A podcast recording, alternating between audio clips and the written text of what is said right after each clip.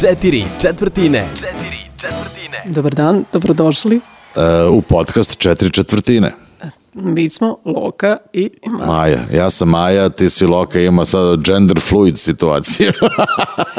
Imamo, kao i uvek imamo četiri Posati muškarac i ćelava žena, br- bradata. To bi bilo dobro, evo te sad kad mi možda možemo napravimo neku kontroverzu sad to, nemam pojma, da postanemo popularni. Moj glavni zadatak u 2022. je da uh, podcast 4x4 zaista dođe do najšireg mogućeg auditorijuma. A to ćemo Što uraditi. Mislim da je podcast fenomen. Zato ćemo i da snimimo video. Da, idemo videovima, da, da, bit će kidanje. Da, ja ću malo da se našminkam. Naravno. Neću mnogo, samo malo. da, da, da, da, da, da horde ovih klinaca ovaj, se zakucaju ispred ekrana i da, da ne kažem šta. Dobro. E, imamo kao i obično četiri teme. E, molim te, Prva je moja omiljena dueti u Srbiji i šire. Dobro. I nešto ekspanzija krenula sad. Ja sam takođe bila deo toga. ti si žrtva Ja sam duetskog žrtva, biznisa, da. E, moja je naravno druga omiljen, moja tema je druga i to je streaming statistika u Srbiji. Pričat ćemo o tome koliko ima pretplatnika, koliko ovaj, ljudi u Srbiji koriste streaming platforme, koje su najuticajnije, koliko ima ljudi koji plaćaju, koliko ne plaćaju, tu statistiku niko nema, naravno mi je imamo, jer smo mi ipak 4 puta 4. Da imamo nova protiv stare muzike. A to je vrlo zanimljivo, da, da, da. nove. Od 2022. se desio jedan, jedan strašan preokret u odnosu na to šta se u stvari sluša u svetu, ali to da nećemo odmah reći, nego ćemo vas držati u neizvesnosti. I posljednja tema je soundtrack filmova, serija. Odlično. Pa dobro, hoćemo da krenemo onda, izvoli, imaš Ajde. mikrofon je tvoj. O, o duetu. Da. Ne, evo, evo, Artan Lili i Cane su izbacili jednu stvar koja je onako vrlo zanimljiva, znaš, nekako spoj, dobro, oni su već Stuttgart kao Slačalin, jedan od projekata, je već radio sa Canetom, ovaj, tako da je vrlo zanimljivo, ima onaj poslednji kadar gde Cane Đuska sa, sa eh, romanom iz Artan Lilija, što se ne dešava često. Nisam stigao do kraja. Ovaj, To nisam ne, nije ti se dopalo.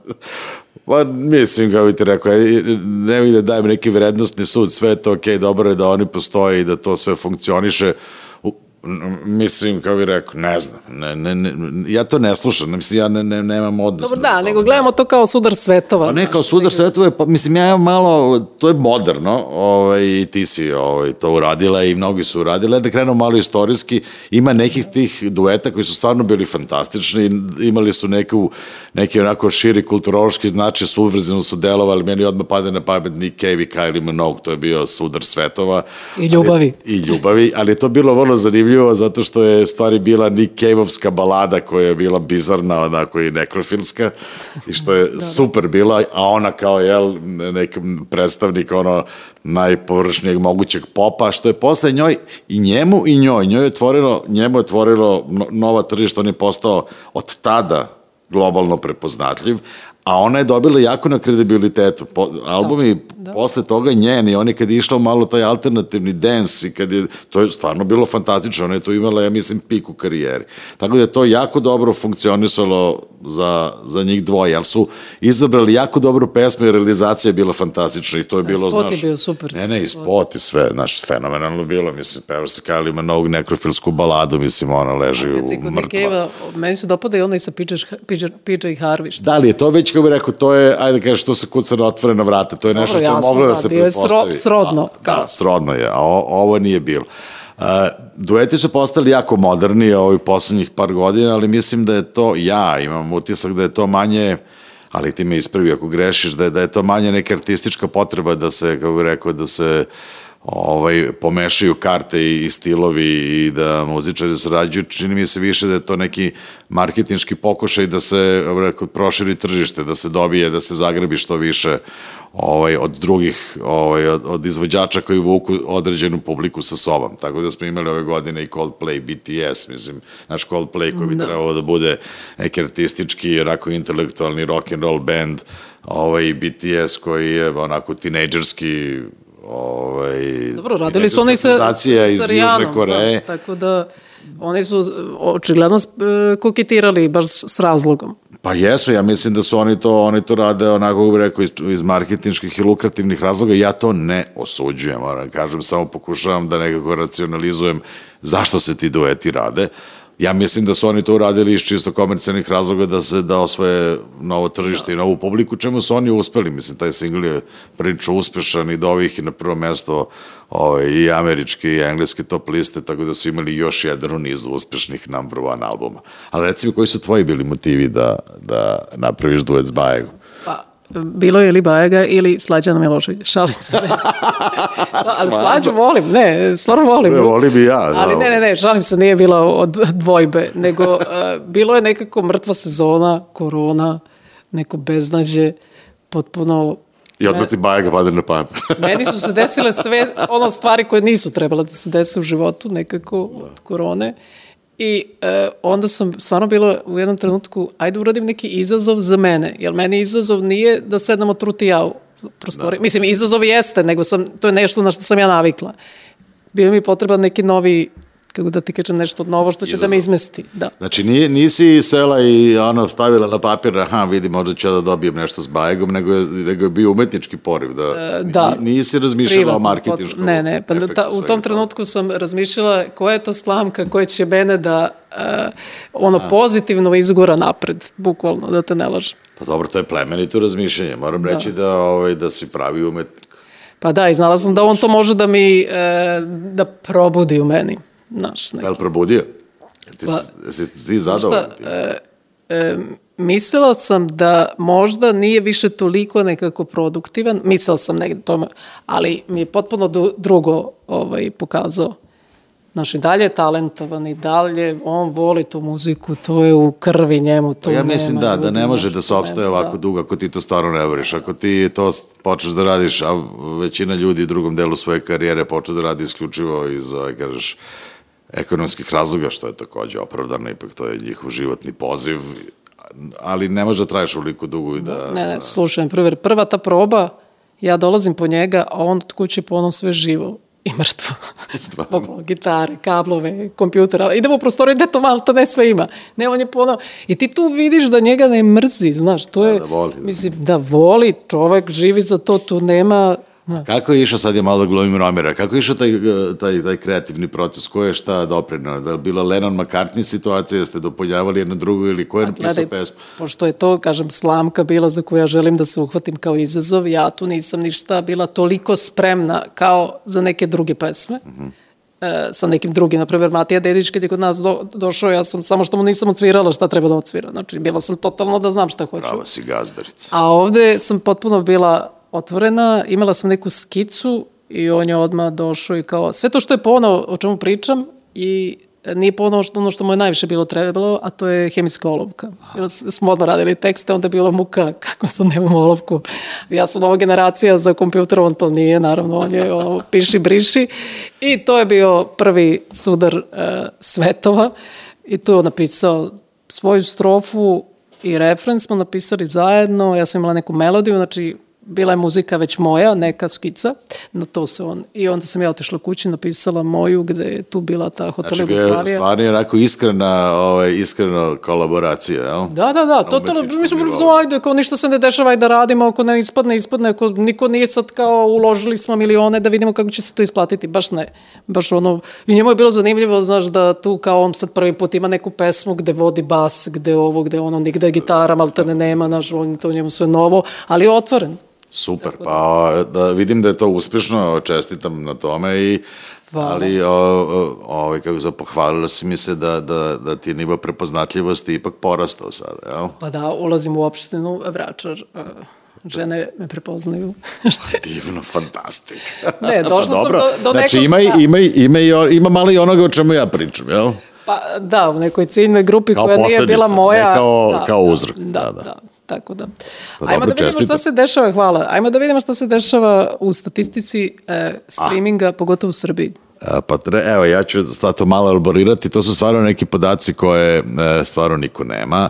Uh, krenut ću od početka, vrlo je bitan taj streaming, to stalno ponavljamo, to je budućnost muzike ovaj, i čini mi se da kod nas uopšte sva naša zajednica i mi sa i uzdavačkom delu, izvođači, autori ne trude se dovoljno da promovišu ideju streaminga, još uvek ne vide to kao kao izvor zarade, to je zaista za nas u muzičkoj industriji apsolutno najvažnija stvar na svetu, globalno 80% prihoda ovaj, od muzike dolazi ovaj, sa streaming servisa i mi moramo da imamo u tom pravcu. Mi smo, nažalost, tu, kao i u mnogim drugim stvarima, na repu, to znači da jako mali broj ljudi aktivno koristi streaming servise, oni na jako niskom nivou, mi smo na zemlja kod koje je digitalizacija tržišta ajde to tako da kažemo, je samo 0,6%. Znači samo 0,6% stanovništva plaća streaming servise, a samo 4,6% stanovništva uopšte koristi streaming servise, uključujući YouTube. Mislim, to je jako nisko.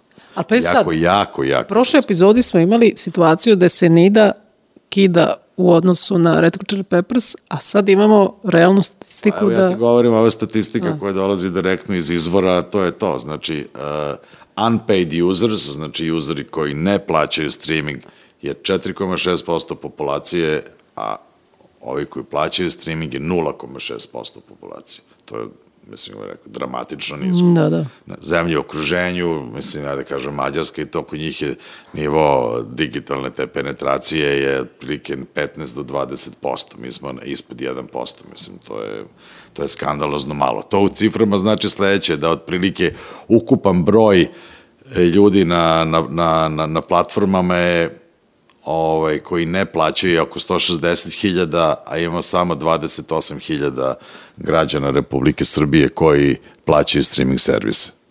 Ove, ovaj, što je stvarno jako malo, to je, ajde kažeš, nije ni, ni, ni ova naša mala opština, mislim, je pet puta veća od toga. Da, da. Ove, ovaj, tako da je to jako nisko. Čak ni ja ne plaćam. Eto vidiš. Ovaj, da bismo bili da bi bilo sve, da potpuno jasno, imamo kod nas taj takozvani third party, tu postoji kao jedan, tu ima nekih 80.000 korisnika ovaj, koji plaćaju preko Telenora, ali nismo sigurni da oni uopšte koriste. Mm -hmm, da, da. Ovaj, opšti utisak da se, da, ovaj, da ljudi koji imaju u svom paketu plaćen dizer preko Telekoma kao, kao deo njihove pretplate, da oni jako malo to koriste i da to odatle nema ovaj, broj streamova koji se napravi ovaj, na Deezeru u tom paid tieru je jako, jako mali. Tako da ovaj, u tom smislu bih rekao, da mi smo zaista tu negde na početku i mislim da da bi tu trebalo da, ovaj, da jako poradimo na tome. Od ovog toga svega je vrlo sad zanimljiva sledeća statistika da je malo razbijemo. Znači, e, na Spotify-u je 85,3% ljudi ne plaćaju samo negde ovaj, onih koliko je to sad 15 posto, 16 ljudi plaća. Na Apple Musicu je vrlo zanimljivo, je pola-pola, 52 ovaj, ljudi plaća, 48 ljudi sluša to u free tire-u. Ovaj, na Deezeru je sad ta statistika zbog ove, jel, zbog tog, tog, tog dila koji imaju sa Telenorom, 63% ovaj, e, ljudi e, praktično plaća, a nekih 30% koristi i koristi ovaj free tire, a 6% je onih stand-alone koji su sami to otišli i kupili. To je, mislim, jako mali broj i zanimljivo je da na Tidalu svi korisnici Tidala plaćaju. Nema ni jedan free.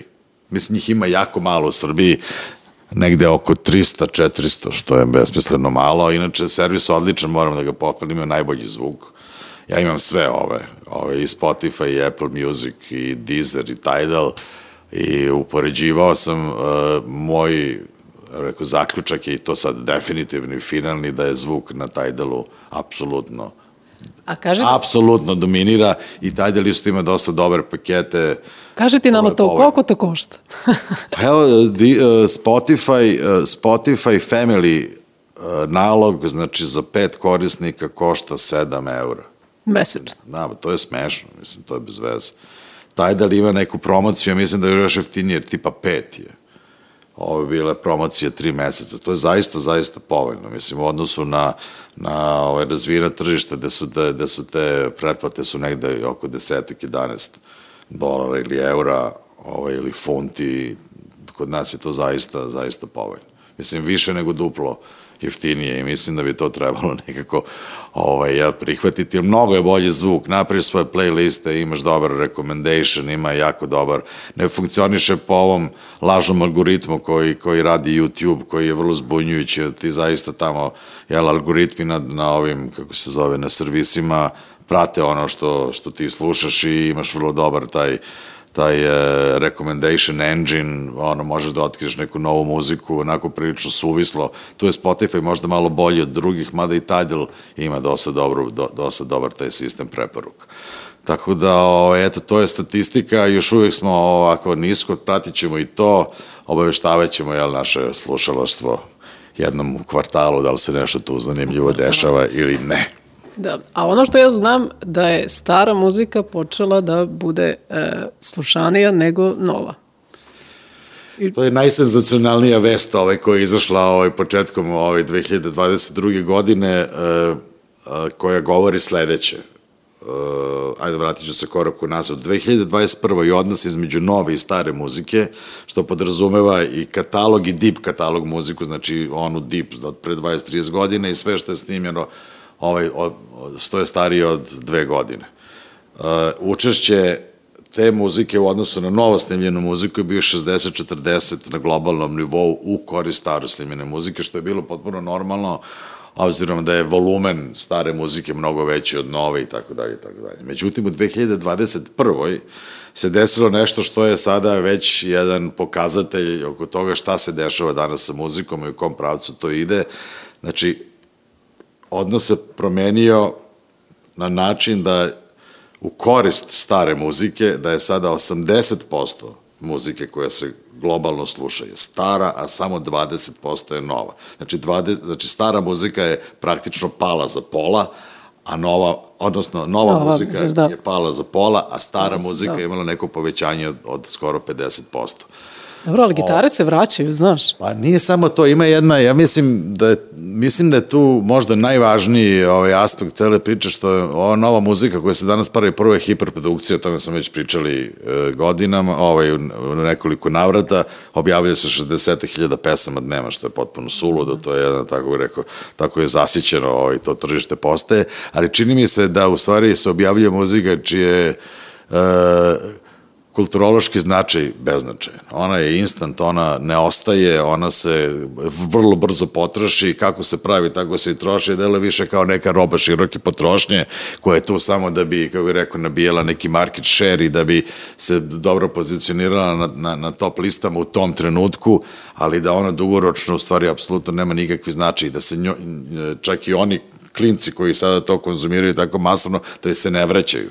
Znači, oni slušaju jednog izvođača možda mesec, dva, tri dana, onda ga napuste, idu dalje, nemaju uopšte, kako bih rekao, ne, ne stvaraju nikakav odnos prema tome i ta muzika nema nikakav kulturološki značaj, ne utiče ni na koji način, kako bih rekao, na, odnosno nije u, u, u dobrom saglasju sa onim što se dešava u kulturi oko nas. Mislim, nije dobar tumač realnosti, da, da. prosto, znaš, nemam pojma sad da, da malo to banalizujemo, 90% pesama se peva se o parama, automobilima, ribama, sisama i dupetima, mislim, ok, ali, znaš, nije, ne sastoji se živo od toga, nekako umetnost bi morala da bude na neki način e, tumač ili, ili ilustrator onoga što se dešava u stvarnom životu. Naš muzika je 60-70-ih bila relevantna kulturološki, to je bilo kad se pojavio punk, kad je bio hippie, pa kad je bio grunge, posle, to su bile stvari koje su za sobom vukle ovaj, raznorazne društvene promene na različitim nivoima. Ovo što se sad dešava, čini mi se da, ovaj, da nema, nema taj značaj. Mislim da je to razlog. Tako da je, to je možda s jedne strane e, dobra vest da će jel, današnja ova mlada publika otkriti neke bisere iz prošlosti koje nije imala šanse da otkrije do sada, jer će se nekako počinje da se menja, jel to na način na koji se sluša muzika, klinci počinju da, da traže nešto staro, nešto što im je, rekao, nešto što ima malo više sadržine, malo više substance. S druge strane, pobeći ćemo iz ove mukotrpne borbe da, da trošimo nenormalne pare na nove spotove i da investiramo u nenormalnu količinu izdanja godišnje, koje u stvari na kraju uh, se vidi da neće povratiti sve te, sve te pare koje se u to investiraju. Tako da to u smislu možda dobra vest da se m, tržište nam govori da treba proizvodimo manje muzike ali da je, da je radimo bolje i da ona bude relevantna. Osvećenije i malo sporije. Pa malo sporije, kao rekao sa malo više pažnje. Ovo sad je, znaš, ovo sve instant, znaš, ovo koga kupiš onu kesici, ja se napravi, da. ajde napravimo tortu, onu u tri poteza, dobiješ u jednoj kesici malo brašna, u drugoj dobiješ neki krem, u trećoj, nemam pojma, staviš sve to u modlu i gotova torta za, za 15 minuta. Kad je pravila moja baka reformu, on to, to mora radi dva dana. Mislim, isto je s muzikom, ne može tako brzo. Ja se slažem s tobom. Tako da, Produkcija smo, mi smo za, mi smo Da. za ovaj trend, da, Da, to podržavamo. Da, za staro, da. Ja sam i za novo, ali dobro, a ne prebrzo i plitko. Ajde da, da vidimo neki soundtrack za e, film, seriju, šta god, da ovaj, koji ti je bio omiljen, na primjer, možda se setiš nekog filma, serije, Munje, Peaky Blinders, sad e, Pa vidi, ja moram da se vratim sad, ja moram da se vratim sad malo mnogo da dalje u Ajde. istoriju. Pa, e, soundtrack za Groznica subotom uveče i, A, dobro, i da. Briljantin su, ja mislim, možda jedna od najznačajnijih, Jeste, najznačajnijih ploča i izdanja u, kako rekao, u svom, u svom periodu, u svom dobu. Mislim, Groznica subotnje večeri i dan danas je vrlo relevantan, to je muzika koja se dan danas sluša, mislim, tu nema, tako da sam ja negde vrlo rano, ovaj, kako se zove, u, u, prvim kontaktima s muzikom je soundtrack bio u stvari vrlo važan, mi smo jako vodili računa o tome. Znaš koji meni, ali e, smećeš se, stvarno, ali to mi uvek kad neko kaže soundtrack ili muzika iz filma, ja sam u zonu Rocky Balboa. Pa dobro, pa da. ali obožavam A i on je bio uspešan i to je bilo, pa ne, to je bilo, da, da, da, da, da, to jest, da, da. Mislim, volim ono train spotting, to, tako, tako tu muziku, tu naravno, ali ovo mi je baš, ono, kad čujem onu temu, ja sam u zonu, wow.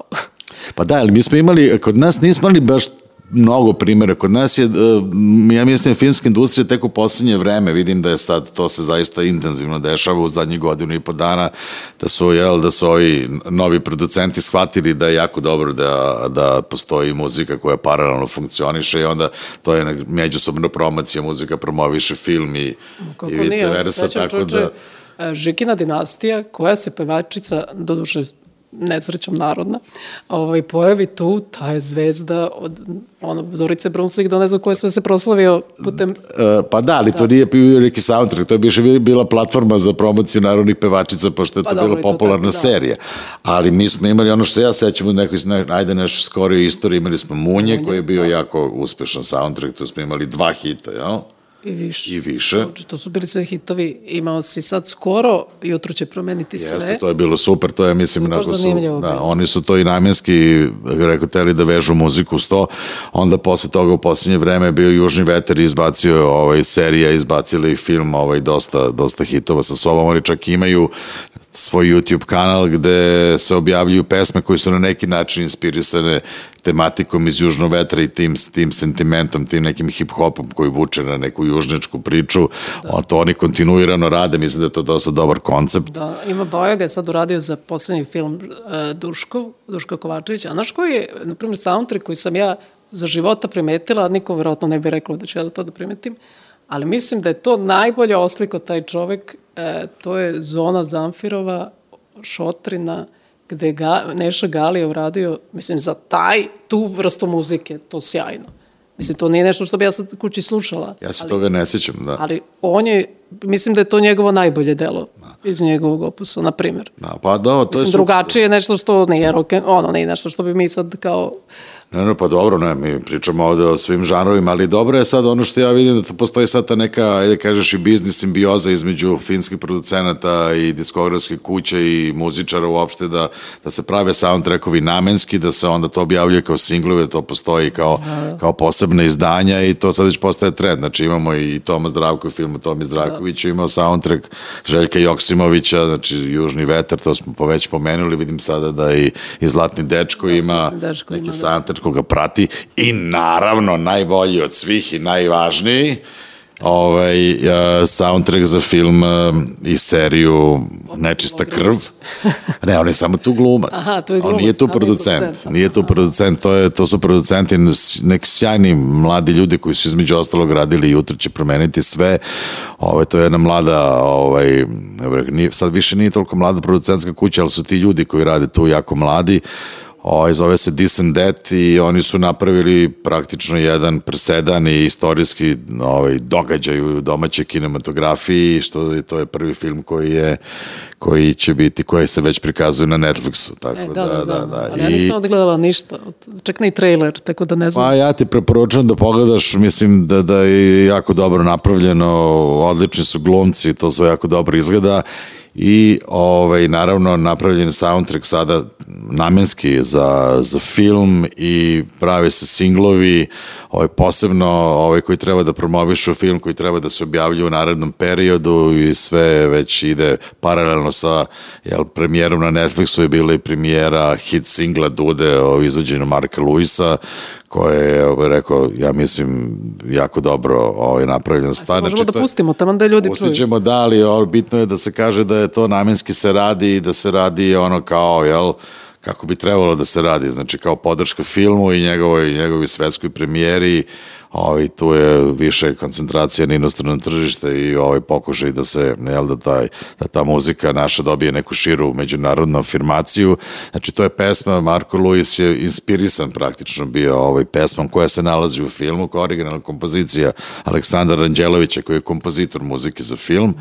Ovaj, on je napravio sad svoju verziju, jel, prilagođenu, ajde kažeš, jel, osavremljenu, jel, malo proširenu, ovaj, i objavio single Dude koji ja mislim da je jako uspešan, vidim da je, ovaj, kako se zove, da je jel, opštom, opštom aklamacijom ljudi pričaju, jako su pozitivni komentari na to kako je Marko Luis ovaj, radio i njegova verzija pesme Dude, tako da ćemo je sada čuti Slušamo kao to. dobar primer ovaj, toga kako postoji fina simbioza između filmske i muzičke industrije i trebalo bi u budući uglavnom ljudi kada prave filmove da povedu računa na vreme i da prave muziku na vreme i da planiraju ovaj, jel, objavljivanje muzike u isto vreme kad se objavljuje film, jer to sigurno ne može bude loše. Se pod uslovom da je muzika dobra. Nemoj to objavljivati koje kakve gluposti. A seti se onda dok slušamo Marka Luisa, seti se onih svih variacija na temu James Bonda, kako izađe film, onda koja zvezda radi muziku, to je Znamo bilo to, najvažnija da, stvar. Pa to jeste, bilo, pa to i dan danas najvažnije. Pa imali smo sada koje bi bile, Billie Eilish je bilo za posao. Da, da. Tako da je to, to je jako važno i mislim da je najzad kod nas to postaje standard i to je vrlo dobar vest, mislim, i za jednu i za drugu industriju. U to ime slušamo Slušamo Dude ili Marka Luisa. Dude, mori, dude,